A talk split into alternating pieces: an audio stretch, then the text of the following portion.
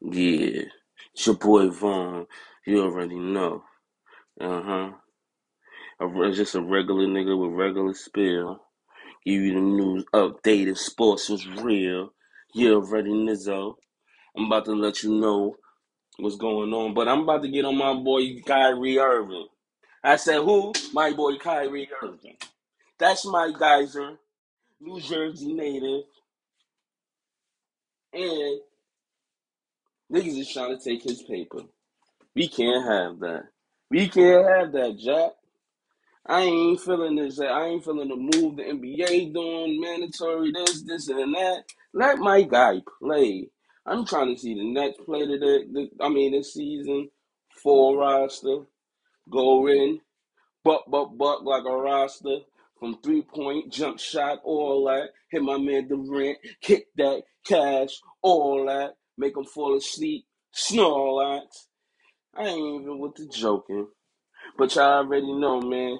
They put poking the the fucking lion in the bear or whatever you want to call it. Pass my beer. Thank you, thank you, thank you, thank you. I need a little drink real quick. Hold on. Thank you very much. If you want to know what beer I'm drinking, little bit of Corona with a little lime of lemon. Mix it all up. Put the lime in the. Now, let me get back on topic. Like I said before. My man Kyrie is my they trying to get my man the jab and trying to take all his paper for what?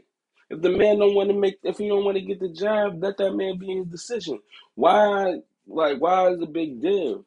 Let him go through the proper precaution like I was doing before for the last two seasons and call it a day. Or let him call or get a waiver, let him sign a waiver or whatnot. Whatever happens, happens. That's on him. Let him do him. Now they trying to put this man on front, street like he's the worst man in the world. He's going against the grain, and I mean this Stephen A. guy receiving headline ass nigga talking mad shit. He need to be taught, need to be traded and whatnot. Hey, y'all, you got time for all that, man.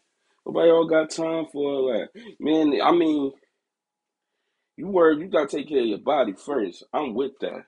That's a that's a basketball game because everybody feeling like he should make that sacrifice for the team. Da da da. Your health first, nigga. Because if nigga you nigga if you can't do if you can't move right or walk right, nigga, you can't get on the court. So what the fuck does it matter? So it's like why is a big deal? Let the man play. Let him get his buckets. Let him get his paper and keep it pushing.